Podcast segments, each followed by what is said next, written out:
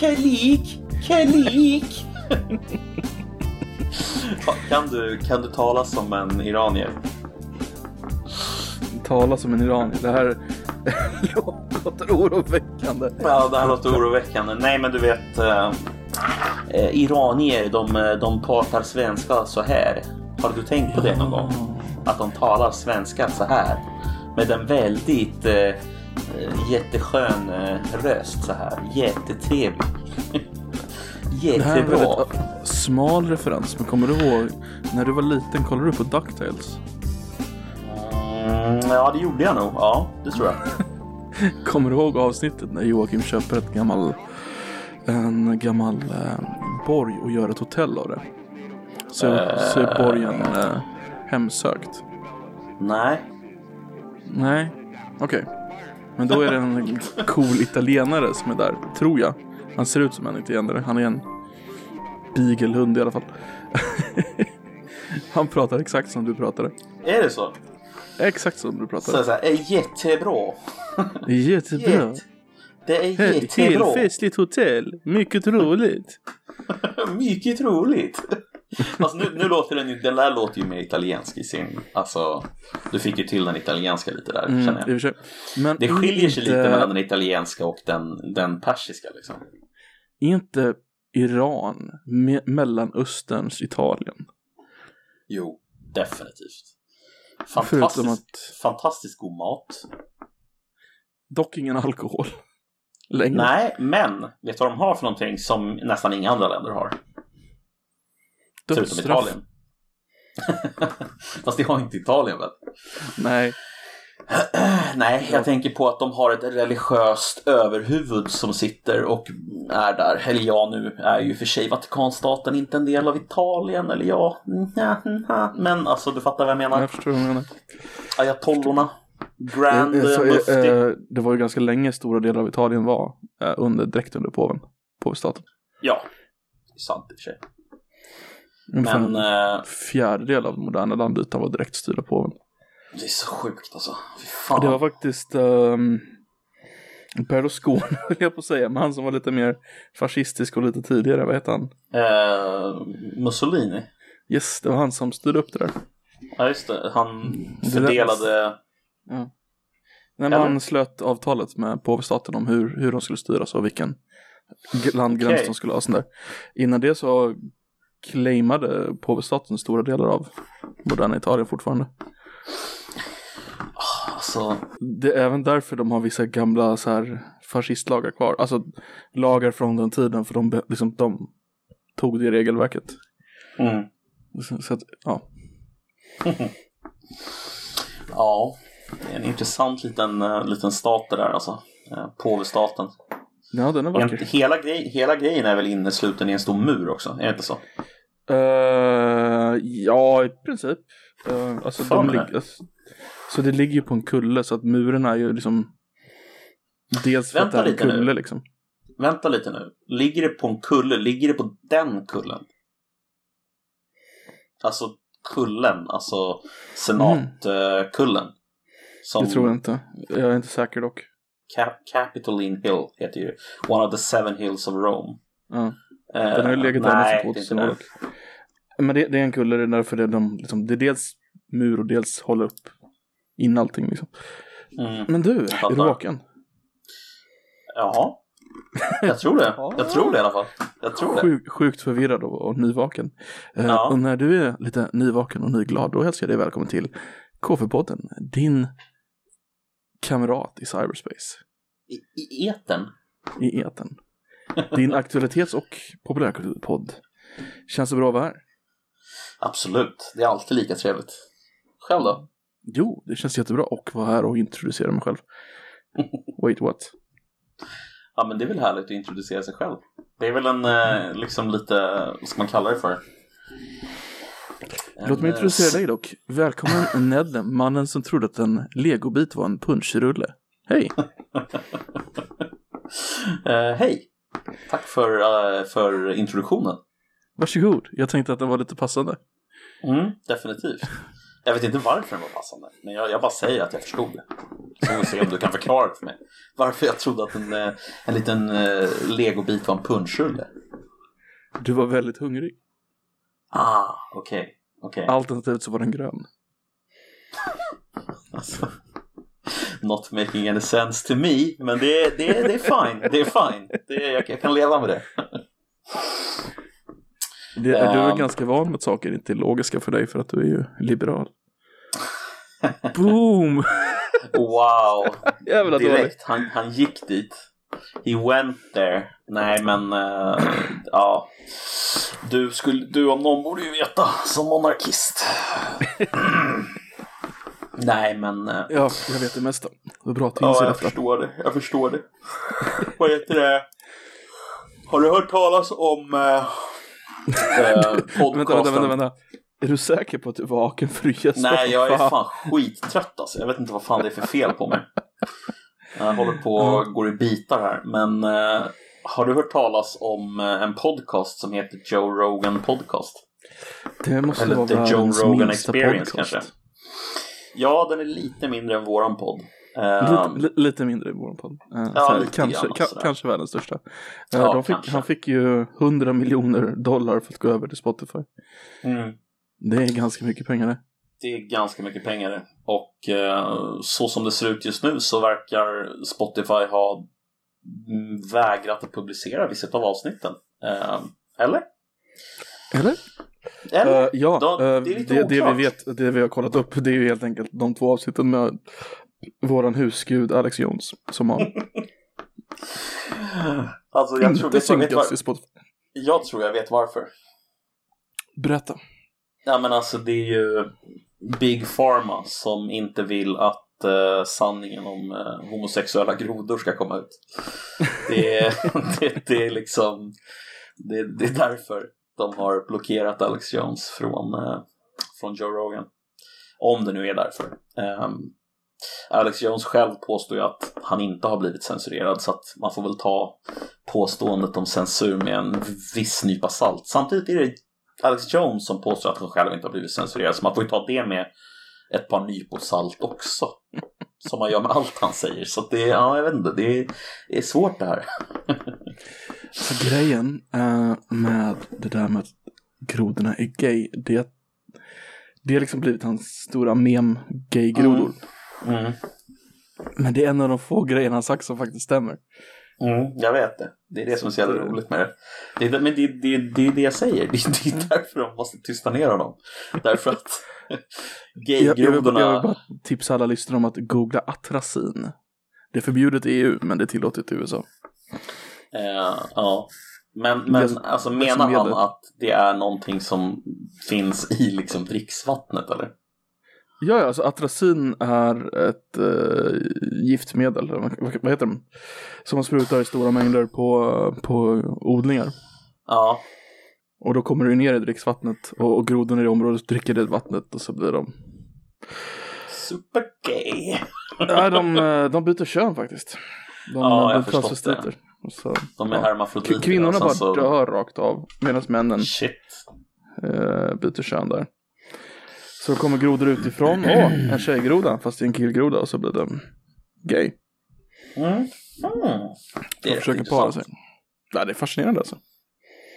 Fortfarande tillåtet i USA.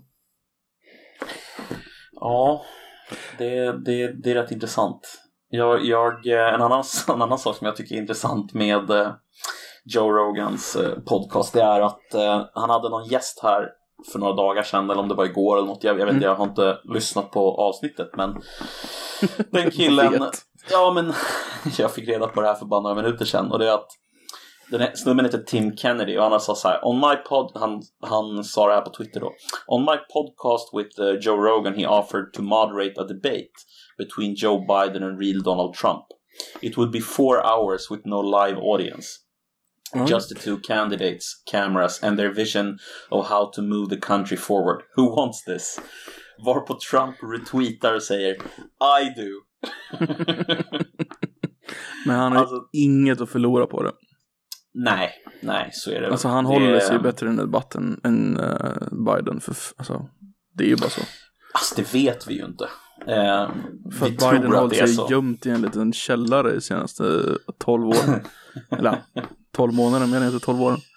Ja, han har inte gjort sådär jättemånga eh, långa framträdanden. Men han, Nej. han eh, gjorde ju bra ifrån sig på den här eh, eh, förinspelade, eller om den var förinspelad vet jag inte, men eh, framträdandet på Demokraternas eh, konventer.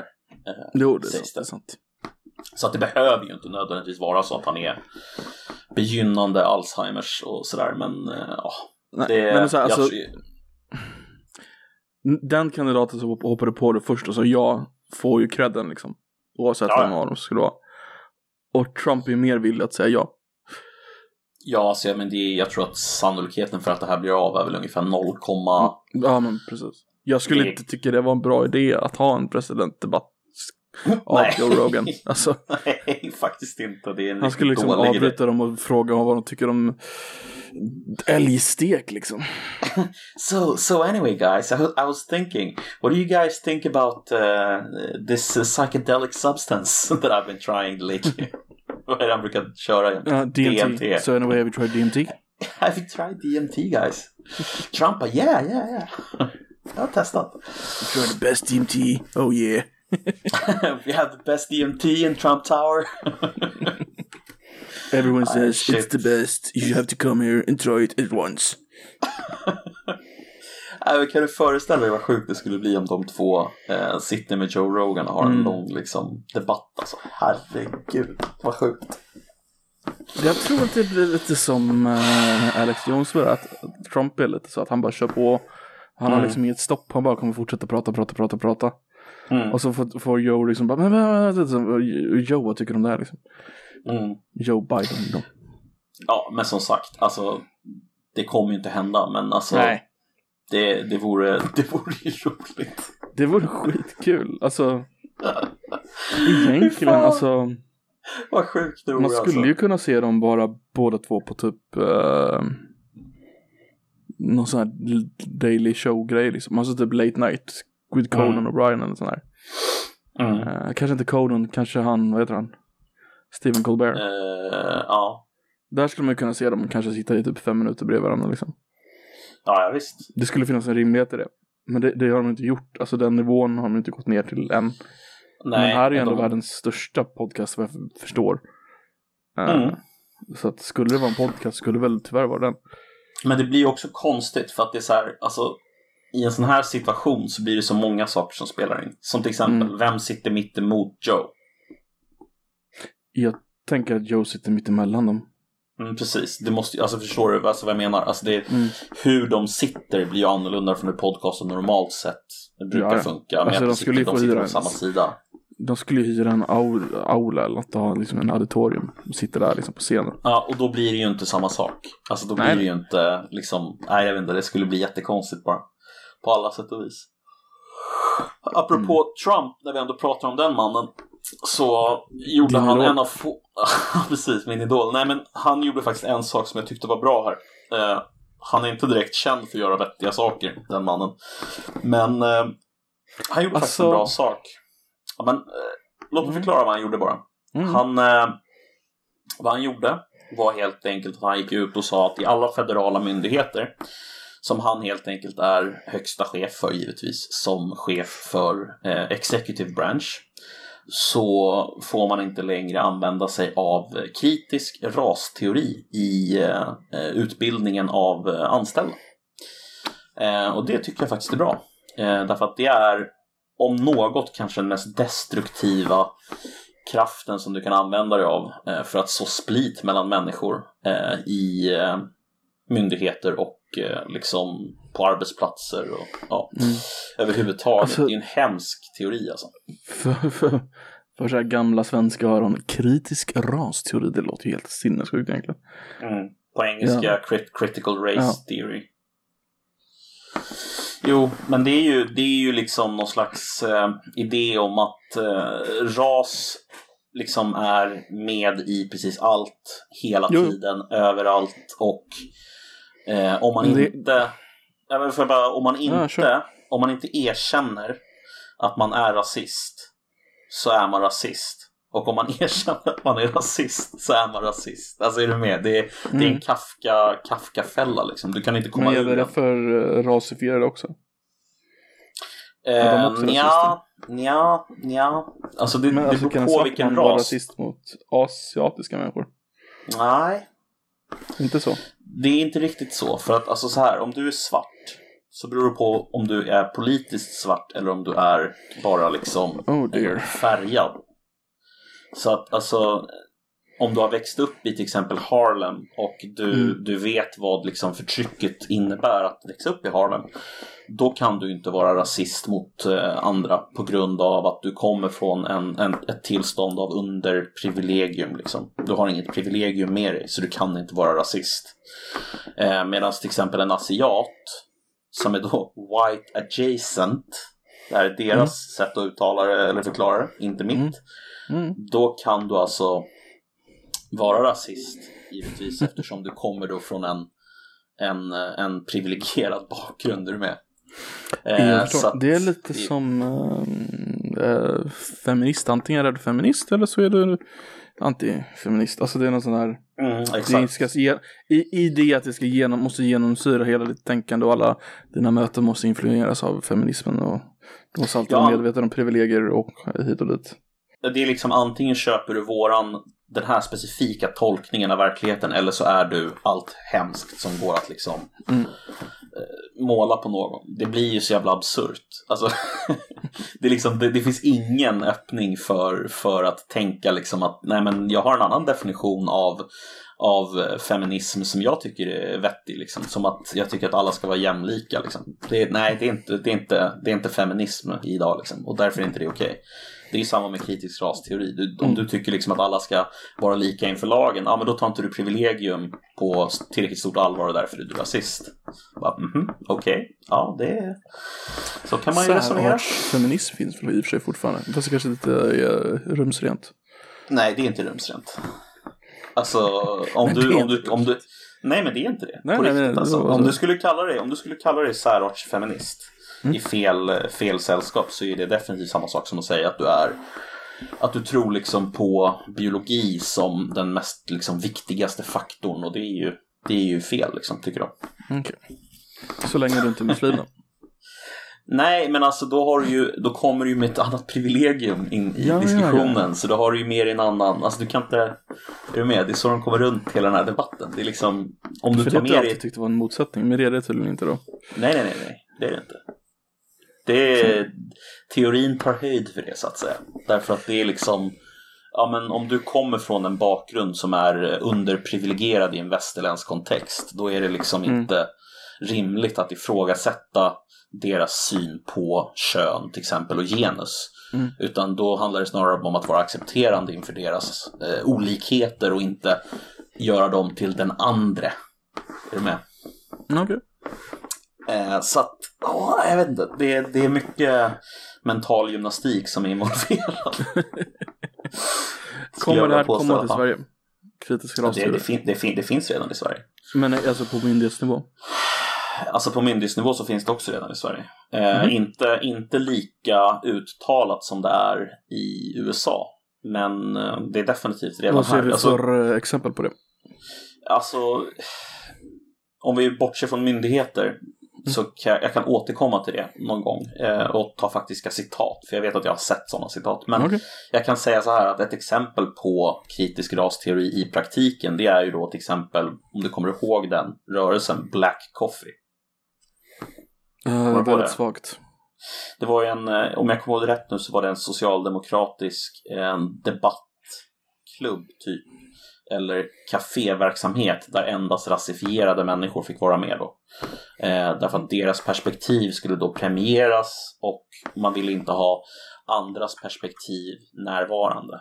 Det är ju ett exempel på då eh, kritisk rasteori där man tänker sig att när man kommer från eh, när man har en viss bakgrund så, så har man en viss, liksom, det är det här med, vi pratade om det här förut någon gång, eh, levd erfarenhet som den enda liksom, grundläggande epistemologiska sanningen. Liksom. Det är bara, Mm. Sanningen är bara din levda erfarenhet. Eh, och du som vit man kan aldrig förstå verkligheten utifrån deras perspektiv, det går inte. Och därför är inte du välkommen. Det är kritisk rasteori. Ja. Det fin- alltså, ja.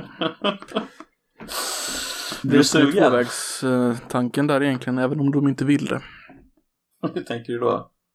Nej, men om du blir utesluten på grund av din hudfärg så kommer du söka andra människor som har din hudfärg och bygga någonting med dem istället. Mm, exakt. Det är det som är så farligt. Alltså det är splittrande snarare än... eh, Ja, Än, det är, nog, eh, det är väl explicit tanken att det ska vara splittrande, eller? Nej. Det är det det, inte. Det blir ju det, nej men det blir ju det i praktiken. Men, men, men i teorin så är ju tanken att alla människor som kommer från en position av privilegium, de ska inse sitt privilegium och så ska de erkänna sitt privilegium, se sin roll i det systematiska förtrycket och därmed ändra sin inställning. Och, Jo, jag, förstår, jag förstår tanken, men det är ju inte det som blir realiteten. Um, alltså om nej, i är en... realiteten ehm, blir det ju inte så. du är en jävla hillbilly från uh, Appalachia liksom. Mm. Och så, så lyckas du vara den första i ringen. Du vet Appalachia i USA är väldigt Ja, ja fattigt. visst, Rust, ju- rostbältet där, eller hur? Ja, precis. Och det är ju, alltså Appalachia är bergen utanför, där de är ännu fattigare. Eh, Oj. det är där Moonshine kommer ifrån. eh, från Okej. början. Ehm, det är alltså riktiga hillbilly white trash folket. Uh, så du lyckas komma därifrån liksom. Och du är den första i din eh, familj som uh, typ en super high school skulle jag vilja säga, men ens klarar av universitetet då. Och så lyckas Mm. du få ett jobb, uh, någon jävla, ja vad fan, du blir senat- senator säger vi. Då har du inte haft så jävla mycket privilegier egentligen. Nej. Alltså, du, du, du, det, det finns ju icke-privilegierade vita människor. Men de menar då att eftersom han är vit så kommer han in på universitetet för han var så snäll liksom. De menar ju på att det som är intressant är inte den individuella situationen här utan det som är intressant är det systematiska. Det vill säga, Mm. de ser utifrån ett perspektiv som handlar om systematiskt förtryck baserat på ras. Och att en person som växer upp i Appalachia eh, inte har samma förutsättningar som någon som växer upp i San Francisco med föräldrar som sitter liksom i techsektorn. Det är inte relevant för de pratar egentligen bara, tycker de då, om ras utifrån ett strukturellt perspektiv. Ah, okay. Så att deras, Ja, det är deras invändning på allting hela tiden. Att ja, men det är bara strukturellt. Det är bara strukturellt. Mm. Men grejen är den att alltså, om, man, om man försöker se allting som en strukturell eh, fråga så är det så här, ja men då finns det ju aldrig någon, i någon plats för individen heller. Och individen kan ju avvika extremt mycket. Det blir jättekonstigt att dra alla över en kam på det här sättet och bara nej men så här är det. Det är bara nej så är det. Du är vit så, att, så att det här är det som liksom gäller. Bara, eh, Så det är ganska, ja. det är ganska gammalmodigt sätt att se på saker egentligen. Alltså de har gjort en modern twist på det men det är väldigt, alltså ja, jag håller den med dig. gruppen är sån, den gruppen är sån, kvinnor ska vara i köket för det vet vi. Alltså det är ju, det är den typen av tänkande var att de har gjort liksom en modern ju twist vänt. på det liksom. De har Ja. vänt ut och in på det ungefär. Ja, fast Eh, men tanke, grundtanken är ändå detsamma, bara att det handlar i, idéer idag. mm. Du, fråga. Alltså, det, Eller ja. vill du fortsätta med det? Nej, nej, nej. nej. Säg, Men fråga. du drog upp eh, att Trump inte gjort så mycket bra. ja. Men en grej som är helt jävla fascinerad på, och jag börjar fundera på om folk inte försökte förut. Fred i Mellanöstern, det verkar ju vara hur lätt som helst. Det är fan andra landet som sluter fred nu med Israel här. Eh, i vilka var det som gjorde det nu? Var det Oman eller? Eh, ja, det tror jag. Eller var det Bahrain? Det var något, Mm, litet, kolla. något litet sånt här emirat, eller hur? Mm, ba- Bahrain, Bahrain var det.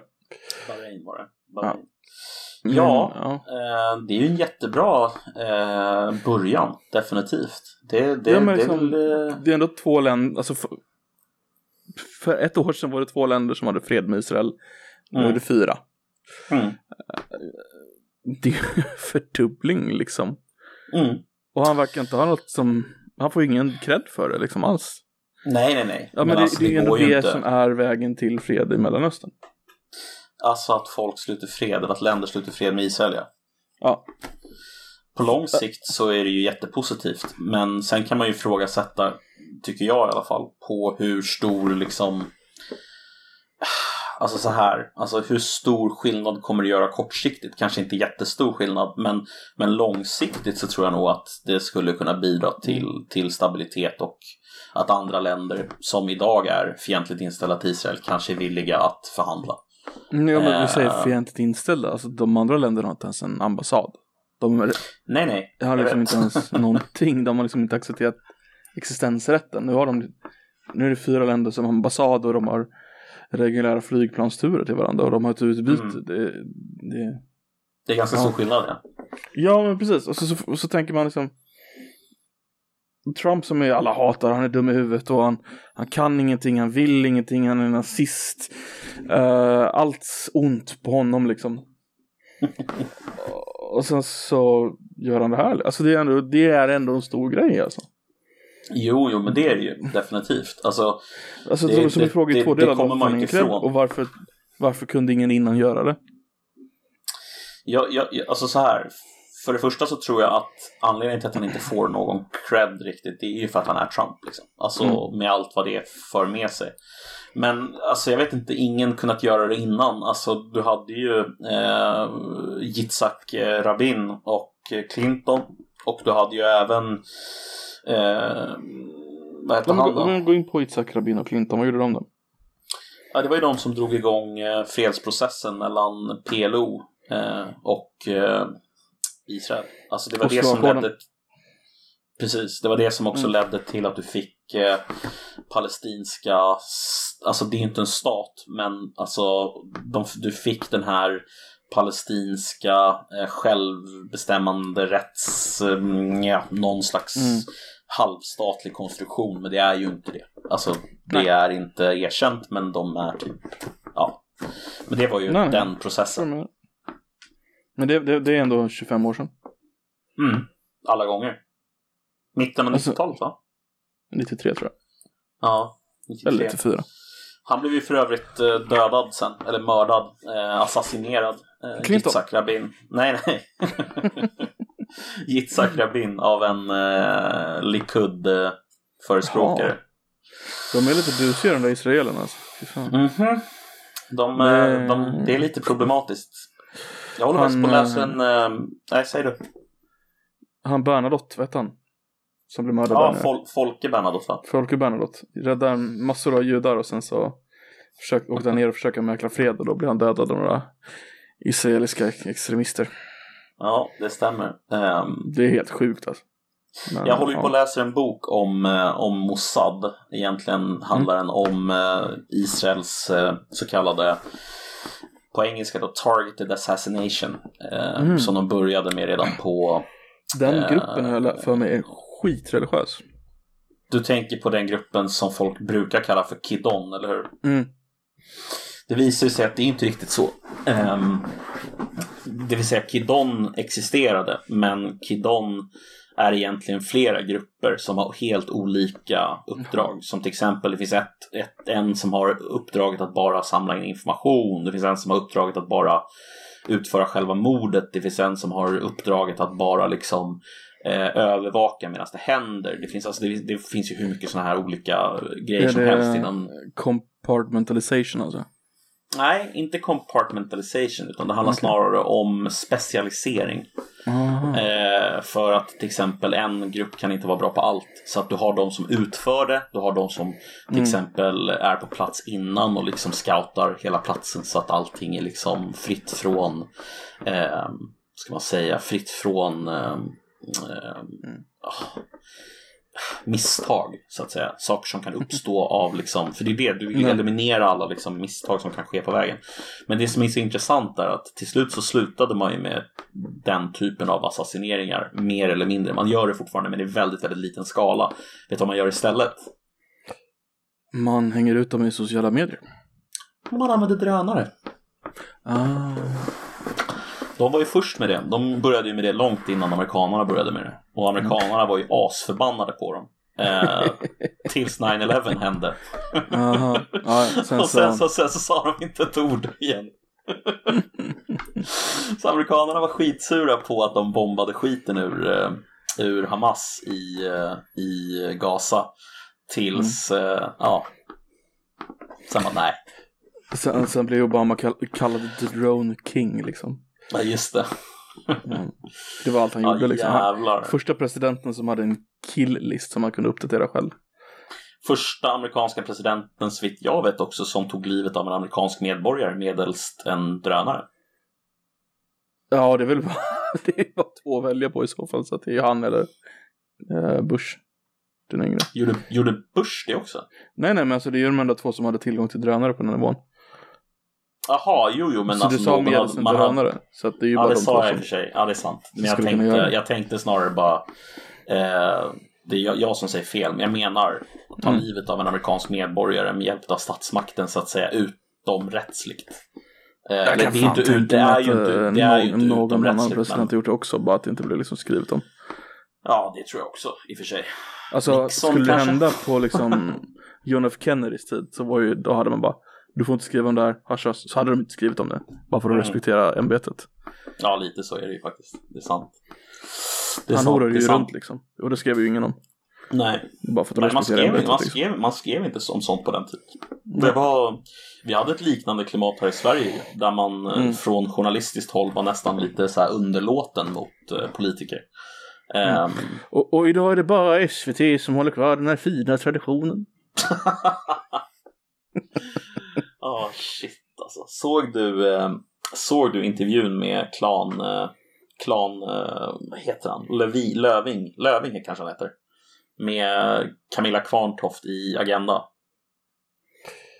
Nej, berätta. Alltså, nej det, det är så här. Alltså, Alltså vem, vem Egentligen- är vem av dem och vad, liksom, vilka är det liksom? Där. Löving är, ju, Löving är ju den här polisen som var med, om jag förstod det rätt, i eh, lördagsintervjun. Han som gick ut och sa Mm. att vi har klan, klanbaserade nätverk i landet, 40 stycken, som är liksom Mm. ett hot mot, eh, mot landet.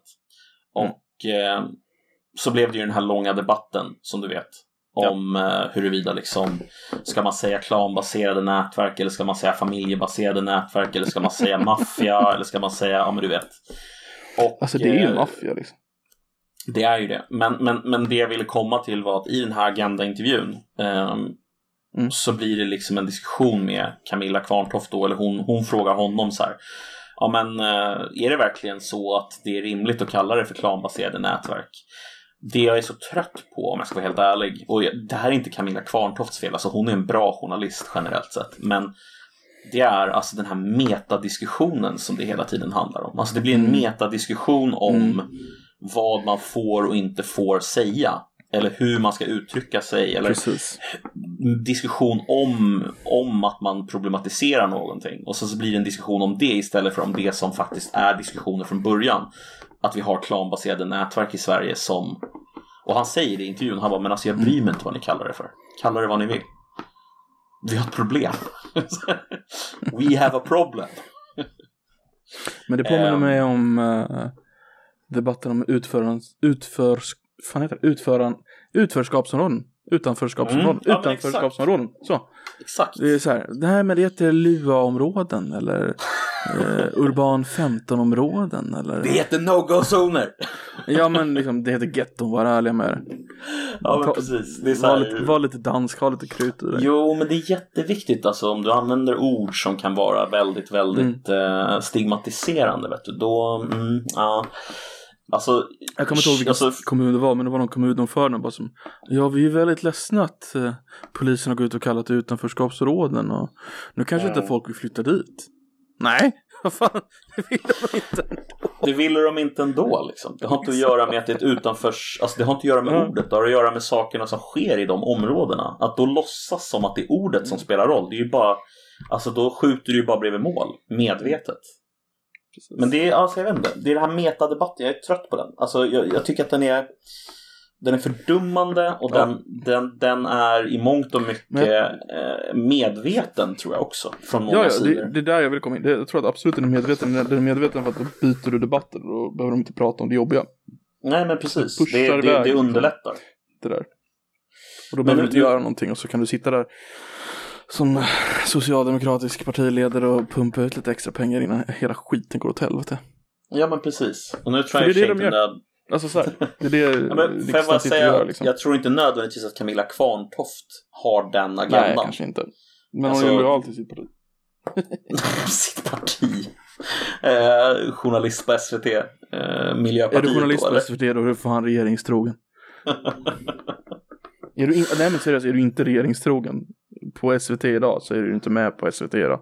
Nej, sådär, så illa är det inte. Det är en framing, nej för fan. Jo, det, är en jo. frame, det är ett framing-problem. Det är inte nödvändigtvis att de är regeringstrogna. Men de, de har ett problem med sin framing tycker jag definitivt. Alltså det blir liksom att de framar saker på ett sånt sätt så att en diskussion till exempel om migration blir framad i termer av så här Ja men hur är det för dem som flyr över vattnet i Medelhavet? Vilket jag förstår att man kan framea det på det sättet. Det är ett sätt att framea det på. Men det finns ett annat sätt och det är så här Vad händer med svenska eh, liksom välfärdssystemet när för många människor kommer till Sverige? Alltså det är ju två olika sätt att framea samma sak. Alltså, och väldigt, väldigt ofta till exempel Alice Petrén om du känner till henne. Ehm, så råkar det bara vara så att vissa, vissa många eh, SVT-journalister väljer att framea saker på det sättet som, ja, de, de framar saker på ett visst sätt helt enkelt, skulle jag vilja säga.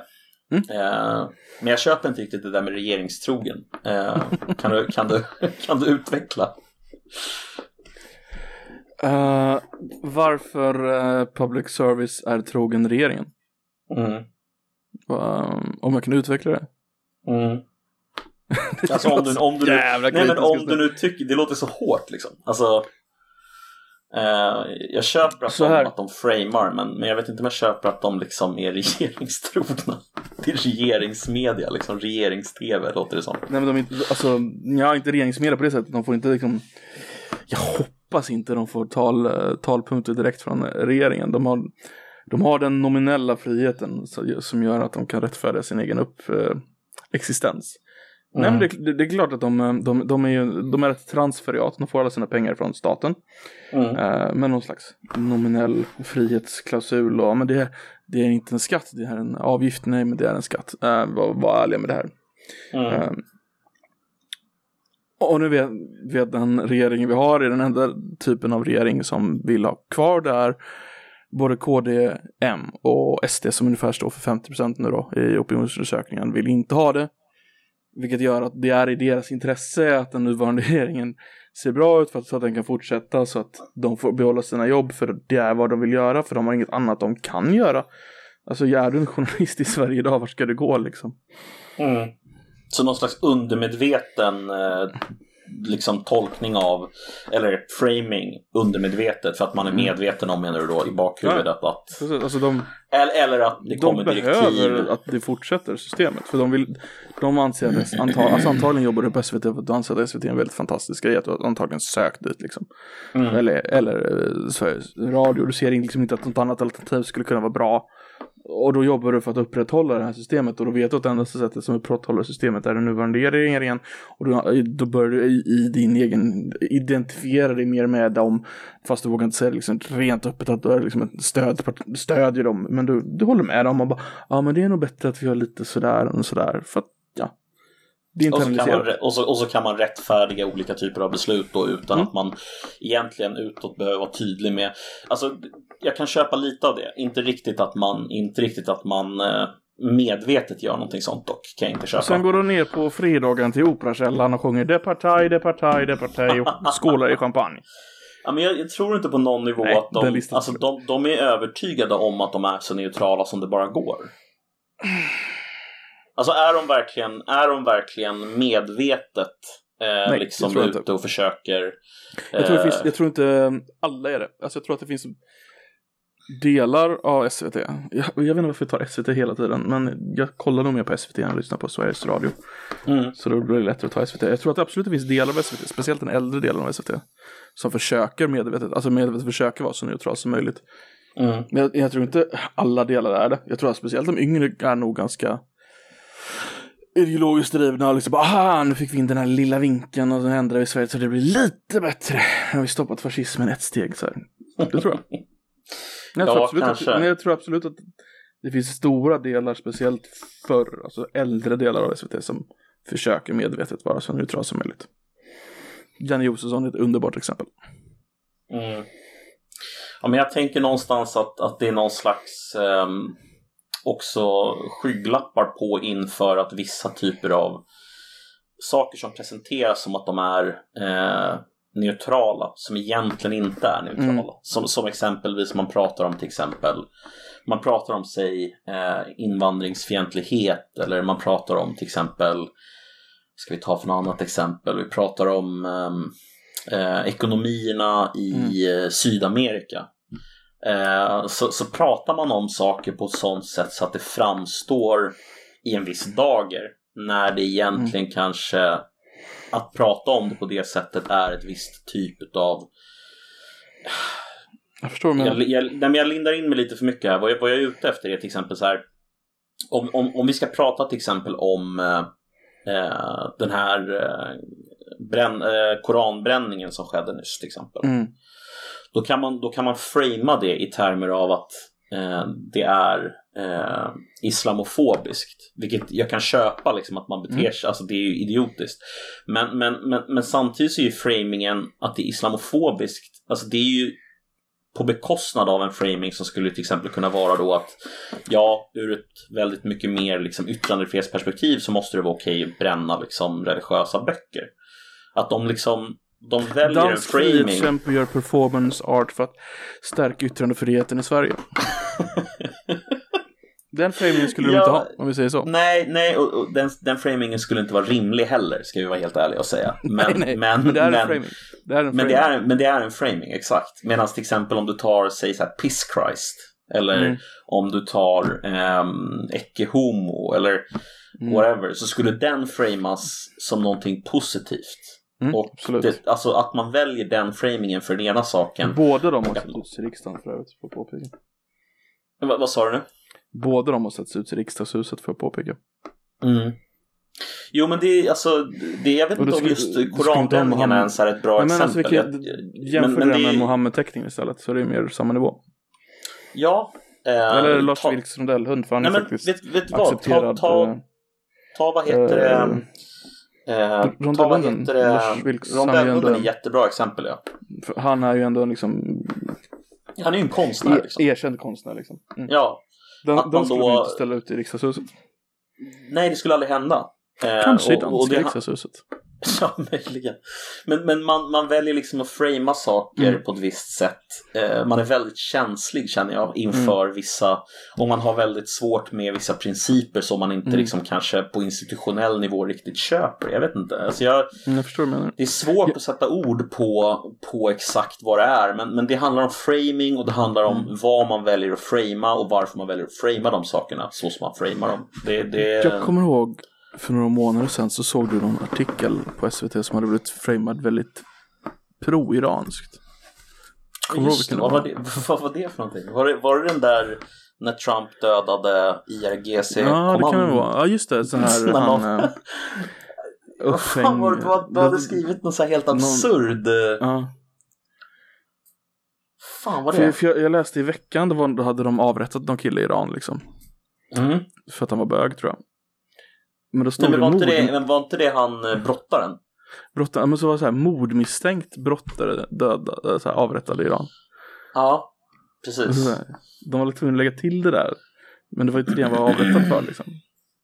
Jo, han blev avrättad för att de menade att han hade tagit livet av en eh, vakt under, vad heter det, en demonstration. Var det så? Ja, så var det. Det var, det var en brottare. Han, hade, han, var, ju, han var ju olympisk brottare. Mm. Ehm, Men det var ju, ju alltså- sån här eh, medvetna, jag vet inte om det var medvetet, men det kändes som en förenkling liksom att, ja men det, ja men var, det fanns en, det fanns en anledning liksom. Tänk inte så mycket på det. Det fanns, alltså det fanns något i det som kändes, det där borde inte vara titeln, om vi säger så. Men, men alltså sen så tror inte jag nödvändigtvis att det handlar om så här, alltså det handlar inte om, vad sa du? Det behöver inte nödvändigtvis vara medvetet, men det, kan, det, det kanske är någon iranier som sitter där och Ja, men jag tror, snarare, jag tror snarare att det handlar om liksom en, en, en omedveten eh, man, man, har, man har liksom sina politiska eh, ställningstaganden. Olika journalister, olika liksom, Mm. chefer på högre nivå. Och det är lite slagsida, uppenbart, åt vänster på hela public service. Och därför blir det så att när man pratar om saker så råkar man framea saker på ett visst sätt. Och det, det är inget konstigt med det. Det som är konstigt är att de inte vägrar, alltså att de kan inte erkänna att det är på det sättet. Det är konstigt. Alltså att, att de inte kan Mm. köpa liksom att ja, det är väl klart att ens politiska åsikter spelar in på hur man framar saker. Alltså det är väl klart att det är så. Mm. Det vore ju konstigt om det inte var så. Men jag tror inte Men de, de liksom accepterar inte- att det är åsikter utan det är som antingen är det mänskliga rättigheter eller så är Exakt. det liksom Nej men kritisk rasteori det är bara det, det är den moderna vetenskapen. Det- Det, är där ja, vetenskapen är. Vi, vi är neutrala, vi använder vetenskapen. Precis, det är dit jag vill komma. Att, Mm. ja, men det är bara vetenskap. Det är inte en, det är inte en specifik politisk syn på, bara okej. Det finns väl en anledning i och för sig till exempel att saker kallas, i, i amerikansk eller engelsk kontext så säger man till exempel studies och science. Mhm. och skiljer på dem. Medan i svensk kontext så pratar man om liksom vetenskap, genusvetenskap, eh, vad heter det, litteraturvetenskap. Mm. På engelska heter ju de literature studies eller eh, vad heter det, gender studies. Alltså just Mm. av en anledning, just för att de är inte den typen av vetenskap som till exempel fysik. Det är olika saker. Det, och Mm. det, det måste få vara olika saker. Det är inte samma sak. När går någonting upp och blir en vetenskap då? Ja men alltså så här, om Kan- det inte alltså, går att det alltså, jag, jag skulle säga så här, om det inte går att falsifiera det Mm. så är det väldigt, väldigt nära ehm, bara så här Alltså då är det en, det betyder inte att det inte är liksom rigoröst. Det kan vara superrigoröst utan att det går att falsifiera och det finns massa saker som är av stort värde trots att de inte går att falsifiera. Men jag vet inte om jag skulle kalla det riktigt vetenskap. Är du med, är du med vad jag är ute efter? Att liksom kravet på att det ska gå att falsifiera det Vad innebär Är- falsificera i den här kontexten? Alltså fa- falsifiera innebär att om du har en teori Mhm. eh, och du genomför ett experiment till exempel så måste du kunna försöka falsifiera din egen teori. Du måste försöka att slå sönder din teori på så Mm. många sätt som möjligt. Och du måste testa din teori så hårt som det bara går och så utsätta den för de mest rigorösa experimenten. Så att du dubbelblindar till exempel läkemedelstest och de som genomför testet vet inte ens vilket som är vilket. Eh, Jag älskar att du använder falsificera i definitionen av falsificera, men fortsätt. Ja, men, men, men alltså, Alltså- falsifiering är helt enkelt ett sätt att säkerställa att det man kommer fram till är så nära Du, sanningen du vill som använda den vetenskapliga metoden. Kan vi säga så? Ja, nej, nej. Nej. För att den vetenskapliga metoden är många olika saker beroende på vem du Okej. frågar. Om du frågar typ Thomas Kuhn så är det någonting helt annat än om du frågar Karl Popper. Där finns ju en gammal alltså definition, alltså det, som utarbetades. Jo, jo, På- men alltså det jag men försöker okej. säga är att vetenskapsteoretiker säger olika saker. Ja. Så Thomas Kuhn, han skulle säga något annat än till exempel Karl Popper som säger falsifiering. Men det är väl ganska uppenbart att om du använder dig av Men falsifiering så får du faktiska saker som fungerar. Men Liksom. det finns ju exempel på vetenskapliga rapporter inom vad du skulle kalla vetenskapliga områden, alltså stämma, som har falsificerats också. Ja, alltså jag menar, att, jag menar att den högsta nivån av högsta nivån, men liksom genuint så nära du kommer faktisk kunskap, då falsifierar du dina teorier. Medan innan du har kommit till den nivån att du kan utföra experiment och så vidare, då är du på någon slags studienivå där, ja, vi kan kalla sakerna för studies istället för vetenskap. Eh, vetenskap, då har vi liksom verkligen kommit så nära som det bara går. Mm. Alltså jag vet, innan jag dess- vet vart du vill komma, men jag vet inte om jag håller med om din definition bara. Det är det. Vad, vad, vad Nej, definiera... för jag, jag vet att det, går, det, det har funnits så här stora, jag kommer inte på någon bara på rak arm för det, men det har funnits stora vetenskapliga studier som har varit falska liksom. Som har Mm. publicerats i Nature och sånt där. Ja, så massor. bara, bara, bara, ja, så bara, men det är inte falskt. Uh, alltså det kan ju, då är ju de falsificerade. Men då har det visat sig att de varit falska. Mm, Men då har de ju, precis, alltså det, då har ju processen funkat. Alltså det är ju hela processen här, jag vet inte om du har talas om replication crisis inom socialpsykologi. Eh, Jag kan anta det innebär bara på namnet. Att det inte går att replicera folks studier. Precis, alltså det kommer massor med resultat i, inom socialpsykologi och de resultaten eh, det finns en studie, den originalstudien och sen så när någon försöker Mm. reproducera resultaten så går det inte. Den här eh, eh, underbara studien med där man tar ungar och så får sätter de en marshmallow framför ungen och sen så säger du vänta du så får du två. Den är väl replicerbar? Jag tror det. Den är fan rolig alltså. Jag tror den är reproducerbar. Jag vet vilken du menar. Den här Ja. om, man, om man har förmågan att vänta på någonting för att få en större, Mm. eh, större liksom, eh, eh, belöning senare. Ja. Och det har någonting att göra med belöningscentrat, eller hur? Ja. Och ålder. Ja, precis. Eh, Hade absolut. du ätit marshmallown? Det vet du att jag hade gjort direkt. Jag har ingen, jag har ingen förmåga att vänta på belöningar. Jag såg eh, dolda, kam äh, så här, så här, dolda kameran för kids eller vad fan det var. Mm. Eh, tragiskt nog så var det med han Bill Cosby som programledare. Det var några, några år sedan. Han var.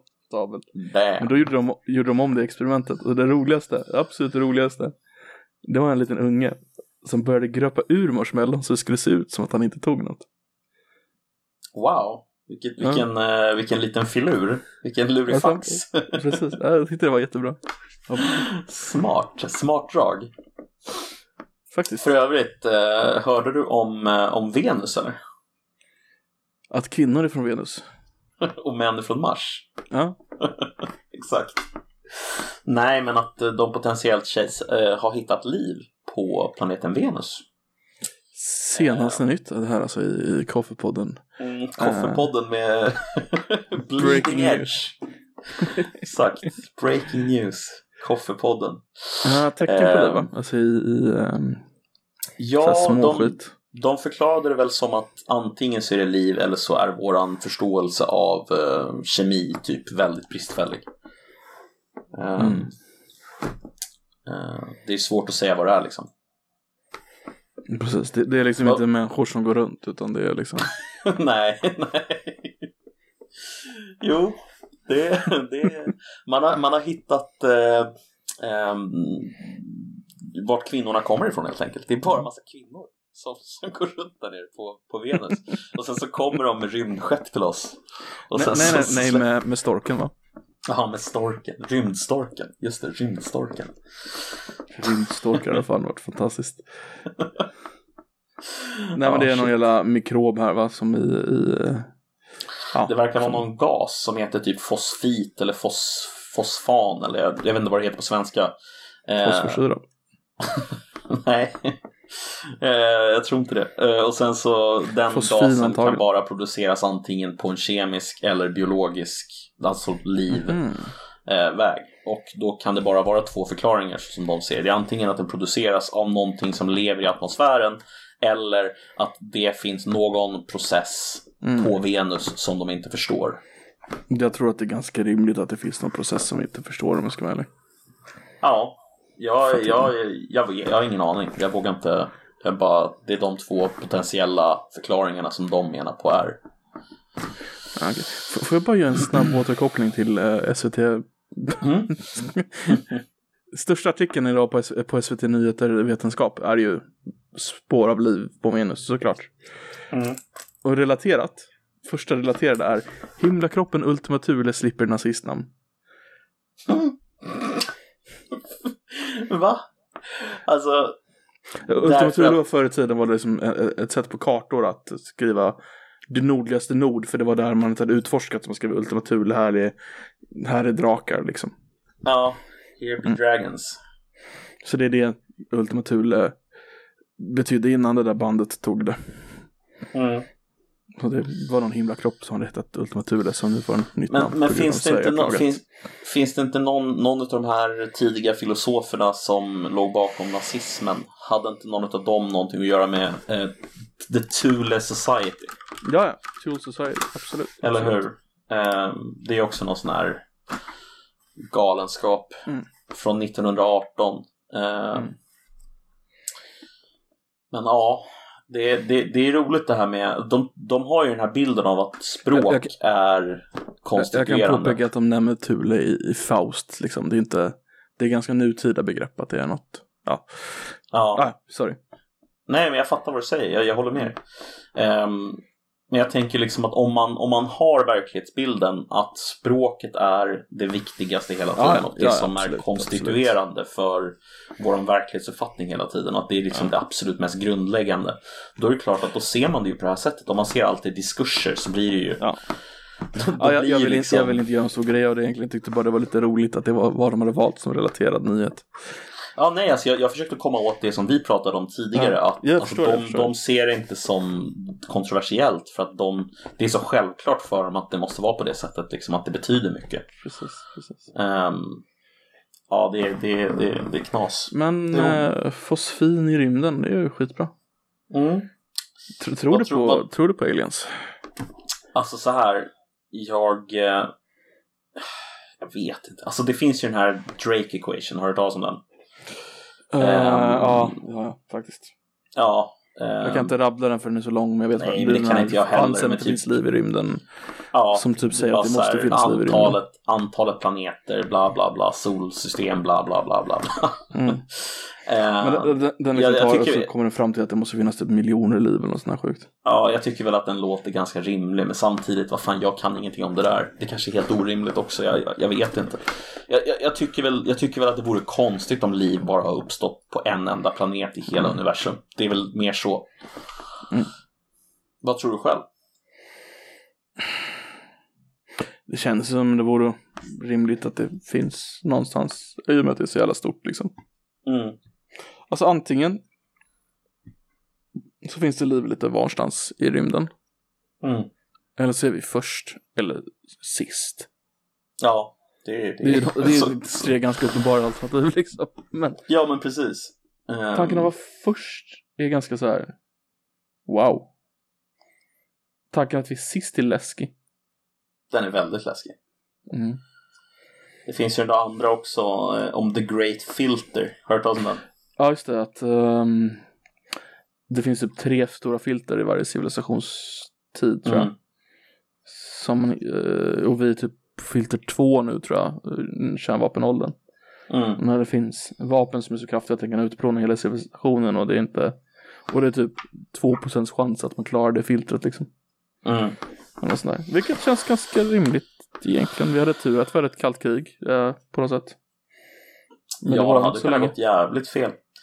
Det gick ju nästan fel ett par gånger under kalla kriget. Eh, Ja, det, det var ju turen där var ju att det var Jag vet att det var en ryss som bara vägrade order en gång. Mm. Och tack vare det så blev det inget krig. Två gånger. Det var en gång på en ubåt och en gång i Sovjet. Eh, Jag tänkte på under, i Sovjet. Ja, du tänker på den som är i Sovjet. Det var ju 83 under Mm, Able, han, Able eh, Archer. Han blev ju demonterad och dem, demoterad och allt sånt där. Mm. Och sen när uh, Sovjet lades ner. Låter som hela skofabriken där lades ner. det eh, var- vill vill han ner. Då fick han här massa medaljer och sånt där. Bara så här Russian Federation Star liksom. Men det, Men- det, som, det som skedde med den där ubåten tycker jag nästan är en värre händelse. För det var ju under Kubakrisen. Ja, berätta. Nej men då var det, det var, om jag inte missminner mig nu, men det var under Kubakrisen så var det så att det var en ubåt som, som eh, rörde sig under de här eh, båtarna som blev blockerade utanför Kuba. Mm. Alltså Eh, Kennedy för- hade en jättestor blockad. Inga båtar ska in på Kuba. Precis, exakt. Och då så jagade amerikanska eh, fartyg efter en ubåt. Och då var de tvungna att gå ner djupt för att helt enkelt inte bli utsatta för sjunkbomber. Och då Mhm. visste de inte om det hade skett något krig, alltså om det, om det hade gått igång där uppe när det började smälla såna här jävla eh, eh, sjunkbomber. Så de var oroliga för att det hade börjat kriget. Och Jaha. då, då var det, om, om jag kommer ihåg rätt nu, jag kan komma ihåg fel, men om jag kommer ihåg rätt så är det så att det var kaptenen och sen så hans liksom andre man, man ska säga, och sen så eh, den politiska liksom, de hade Mm. ju alltid en sån här apparatchik med sig. Och Det var ju den som, All- tre som rankade högt liksom, på alla båtar. Precis, och de tre måste vara överens och då får de skicka kärnvapen utan, utan att få eh, liksom eh, order från Mm. eh, Kreml. Och då var det en av dem som sa nej. Och därför så skickade de ingenting. Herregud. Men, men jag, jag ska, detaljerna, jag är lite oklar på detaljerna, men jag, jag vet att det hände eh, under, under Kubakrisen. Det är rätt, eh, rätt otäckt. Ja, Det lär ju vara fler saker som vi inte ens känner till som har liksom ja, ja mycket varit, möjligt, varit mycket möjligt. close calls typ. Är du kvar? Mhm, jag är kvar. Ja, det blir så. Jag, jag, bara, jag bara började fundera på fan, undrar hur nära vi har varit som vi inte känner till. Ja. Liksom. Ja, ja. Men det påminner med min, en av mina favoritfilmer, Hunt for Red October. Har du sett den? Mm. Är så Det jävla var bra. väldigt länge sedan. Väldigt länge sedan. Jag har nog sett den, eh, inte tio gånger, men mer än fem i alla fall. Mm. Det är väl Nej, den med. Sean, Sean Connery, eller? Sean Connery ja, precis. Där Mm. de börjar prata ryska. Och sen är det, läser han upp en dikt som börjar på ryska men slutar på engelska. Så under Ja, den dikten byter hela filmens språk. Just det. Det är så jävla snyggt. Den, Eh, kom- eh, kommer du ihåg vad den politiska som... officeren eh, i den, eh, på den båten heter? Nej, Putin. det kommer jag inte ihåg. Däremot så kommer jag ihåg en sak, en viktig sak om den. Och det är att musiken är komponerad av... Eh, ehm, Putin. nej, men han som gör så jävla pampig filmmusik. Vad fan är han heter? Ehm, Det finns många som är pampig filmmusik. Ja, men han, han är typ den pampigaste. Han är en av dem, så han, han gör alltid sån här, wow, du vet, riktig sån här musik. Vi ska se, nu tappar jag bort namnet bara för det. Uh, Hunt for Red October Music. Eh, Jag ska säga att jag känner inte till honom, men okej. Basil Poledarius. Okej. Nej, nej, nej, nej, nej, nej, nej, nej, jag kanske står blandar det? ihop det då, då. Ja, men jag blandar säkert ihop det. Det är nog inte han du tänkte på nu. Nej, det måste, det måste vara fel. Hunt eh, soundtrack. Vad The fan? musical score of the Red October was composed and conducted by Basil Polidorius. Men vad fan. Typiskt. Ja, men då kommer jag ihåg fel då. Men eh, han jag tänkte på, det är han... Eh, tror jag vet vad du menar, men jag kommer inte ihåg namnet på den. ja, ehm, ja, det spelar ingen roll. Ja. Det spelar ingen roll. Men eh, det är han, fall. han, han jag tänker på i alla fall. Han du tänker på, han är jävligt Ja. bra alltså. han är grym alltså. Jävla bra kille. Så om Ehm. ni vet vem det är så skicka eh, hans namn i ett Skriv, PM skriv, till eh, skriv. Nedden på Discord. Skriv vem det är till mig. För jag, jag kommer inte på vem det är. Mm. Ja. Och så om ni tror att någon annan redan gjort det, gör det i alla fall. Han blir glad. Han vill ha många PM. Ja, gärna, gärna. Jättemånga tack. Ehm, jag är på väg att säga Werner Herzog hela tiden, men det är inte en, han, Ja. han, han gör ju filmer liksom. Han lever fortfarande, gör fortfarande filmer. Eh, Han är Ja. jättebra. Ja, han är ju det. Ehm, jag tror att snubben har gjort musiken till eh, den här filmen med Leonardo DiCaprio också. Av... Uh, Ah, nej, den, enda, den enda filmen med Leonardo DiCaprio. Nej, men vänta. Eh, den filmen med Leonardo DiCaprio där eh, eh, de håller på i drömmar. Vad heter den? Inception. Inception soundtrack. Hans Zimmer Ja, ja. var det jag tänkte på. Han som gör typ allt. Hans Zimmer. Hans Zimmer. Alltså han har gjort allt Eh, liksom. Lejonkungen, Pirates Caribbean, Interstellar Gladiator, Inception, Dunkirk, Dark Knight. Uh, kommer inte ens på mer. Uh, men han har gjort jättemycket i alla fall. Vad fan, jag, tror, jag var helt säker på att han hade gjort uh, Hunt for Red October, alltså, men det har han inte. Nej, men han har gjort Rain Fan, vad Man, sjukt. om det hjälper. Nej. Nej, det gör det inte. Vad fan. Här går jag runt och tror att, eh, fan, Crimson Tide var det ju för fan jag tänkte på. Crimson, Crimson Tide, det är ju för fan också en ubåtsfilm. Den har han gjort musiken till. Crimson Tide, okej. Mm. Ja, Jakten på Röd Oktober och Crimson Tide. Eh, olika saker, men det är i alla fall en ubåtsfilm. jävligt, jävligt klart att det är en ubåtsfilm. Helt Ubåtsfilmer överlag är väldigt bra.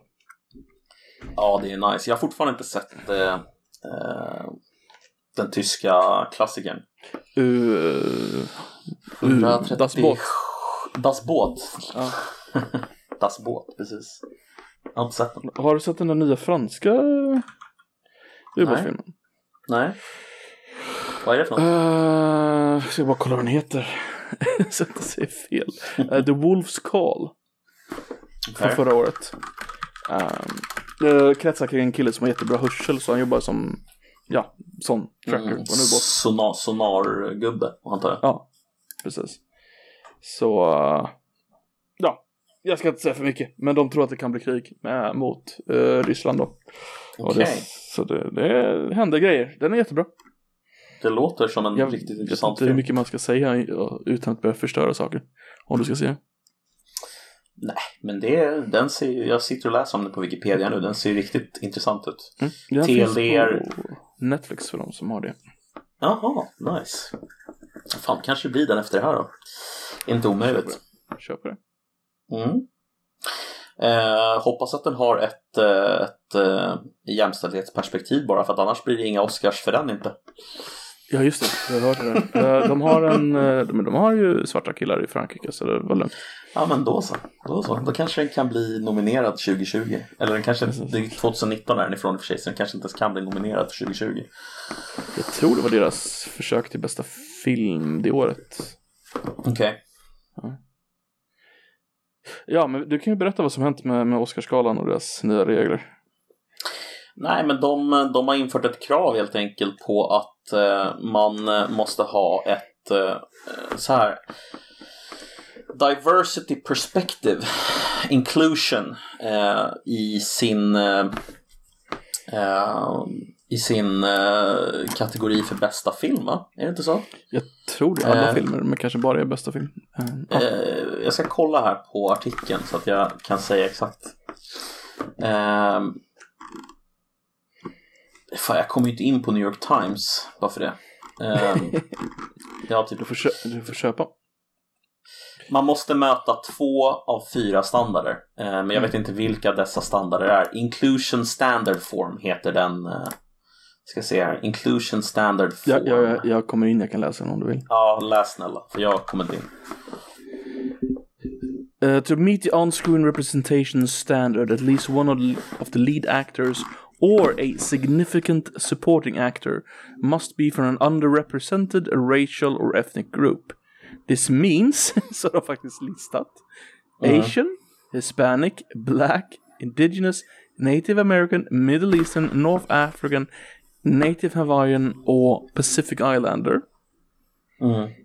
Eller 30% of all actors in secondary or minor roles could come from two of the following categories women, LGBTQ, an underrepresented racial or ethnic group, alltså de som listade tidigare, och de som vill ha cognitive or physical disability.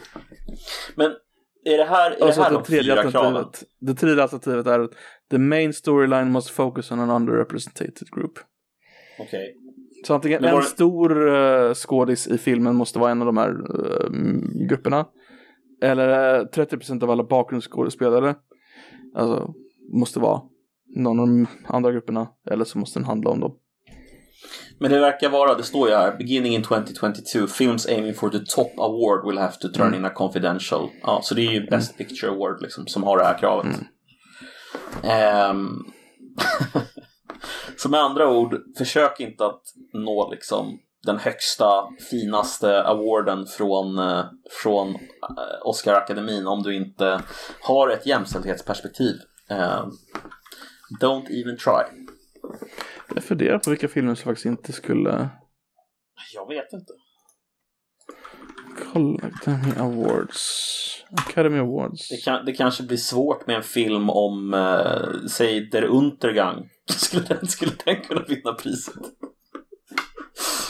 Jag antar inte, men jag vet inte. Nej, kvinnor räknas ju inte. Alltså det är, de får fylla fyrapunken med sexiga kvinnor bara. Det är lugnt. Ja, det är, ja, men det, Alltså, det är lite intressant med den där typen av krav 30% alltså. måste vara kvinnor. Mm. Så- Det här är lite som Bechdel, Bechdel-testet fast... Bechdel- eh, ja. vänta, nu, okej. eh, nu har inte jag sett Parasite, den från förra året. Har du sett den? nej, jag har inte sett den. Nej, så den. Fast den är ju om asiater. Den är från Korea, så den har du klarat. Jag Känns som att vi, vi går bara eh, igenom de Oscars- senaste typ tio åren om det är okej. Ja, men snabbt bara, jag måste bara säga det känns som Ja. att Oscarsgalan inte är tillräckligt woke. Har de inte Nej. förstått att asiater är ju Alltså- faktiskt white adjacent? Hallå? Ja, just det. Just det. Ja, så det, det, det går ju inte. Men ja, Det var, visst, först, det var första gången en senaste. icke engelskspråkig film vann Oscarsgalan. För övrigt. Är det så? Eh, ja. Men För- för eh, ja, ju kör de senaste tio åren då, så ska vi se. Bara snabbt, förut har det ju varit amerikanska filmindustrins pris. Det året blev det liksom något allmänt internationellt vi är bäst i världen-pris. Alla ville ha en Oscar. Um, Ah, vilket är okej. någon slags kulturimperialism om man ska vara ärlig. Men ja, ja. vilket gör att den amerikanska filmindustrin inte längre har ett Top Movie Award utan nu är den liksom internationellt. Men Parasite från 2009 hade jag alltså klarat. Mm. Året innan var det Green Book, har du sett den? Nej. Eh, Det är Viggo Mortensons på 50 eller 30-talet när han kör runt en svart eh, jazzpianist baserad på verklig historia. den, hade ju, den hade ju definitivt Ja, precis. kvalificerat sig. han, svarta killen, är ju nästan lika stor roll som Viggo Mortensen. Året innan det är det väldigt intressant för det är The Shape of Water, det är den här fiskknullarfilmen. Vad för något sa du? Fiskknullarfilmen. Men... Ja, jag sitter och kollar nu. Vad fan, jag har inte sett den, men... Eh, det är ju han Del Toro, du vet han som gör lite så här konstiga filmer. Han mm. gjorde en film om en tjej som blir kär i en fisk så börjar han ha sex med fiskmänniskan. Okej. Uh, den är osäker på om den hade klarat sig Alltså, faktiskt. det- Eh, om inte hon räknas, nej hon är från England. Guillermo del Toro då? Han... Nej, vad säger jag? Inte Guillermo del Toro. Vem Eh, spelar han, han är huvudrollen? ju från Mexiko, men han är ju inte en av huvudrollerna. Alltså han är inte Nej, men han som spelar huvudrollen, tänker jag. Eh, du? eller det är, hon som, är det hon som är huvudrollen, inte, Det är inte hon som är fisken? huvudrollen. Så den Men här fisken är då? nog Är den inte bara animerad, faktiskt. När man tänker efter. Fisken kanske bara är animerad. Fisken är animerad. Så den hade inte klarat sig. Nej. Läskigt. Eh, Året innan det var det Moonlight. Det är en all black cast så den hade klarat sig utan problem. Mm. Mm. Spotlight. Spotlight är väl eh, den där när de hittar uh, child sex abuse i katolska kyrkan med Alltså en periodfilm när de är på Boston-tidningen där som hittar det. Mm. Eh, så det är mest Men, mest men, vita eh, men faktiskt. Så den har nog inte ja, heller jag tänker den hade nog inte klarat sig va? Vad sa du? Den hade väl inte klarat sig? Nej, jag tror inte det. Mest vita män där. På Boston Chronicle tror jag det var. Eh, en som jag vet 2013 skulle definitivt klara sig, men vi har en annan före. Eh, 2014 Birdman hade inte heller klarat sig. Det är den här Michael Keaton-filmen. Mm. Eh, jag tror inte det finns någon svart med i den alls. Jag tänker efter. Men 2013 däremot, 12 years a slave.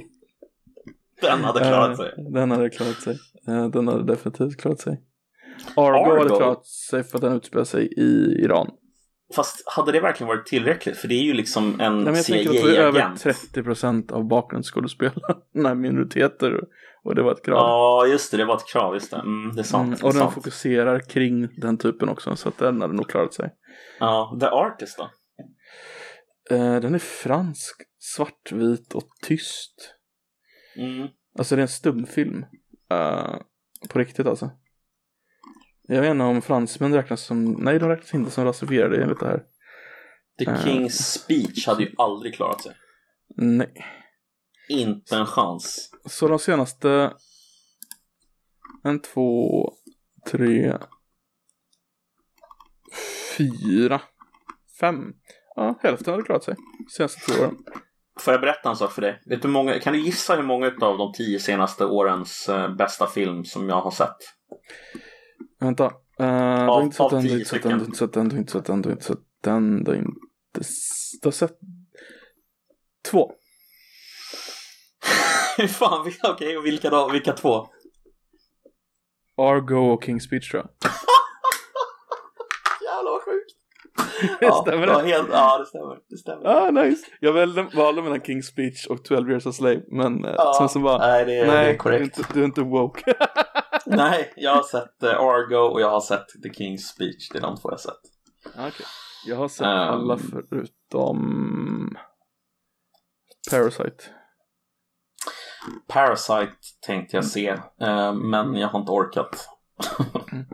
Eh, om du kollar nominerade 2019 Mm. så har jag sett Ford vs Ferrari, The Irishman, Jojo Rabbit, Joker, Little Women 1917 och Once upon a time in Hollywood. Jag Jag har har sett sett, alla förutom två.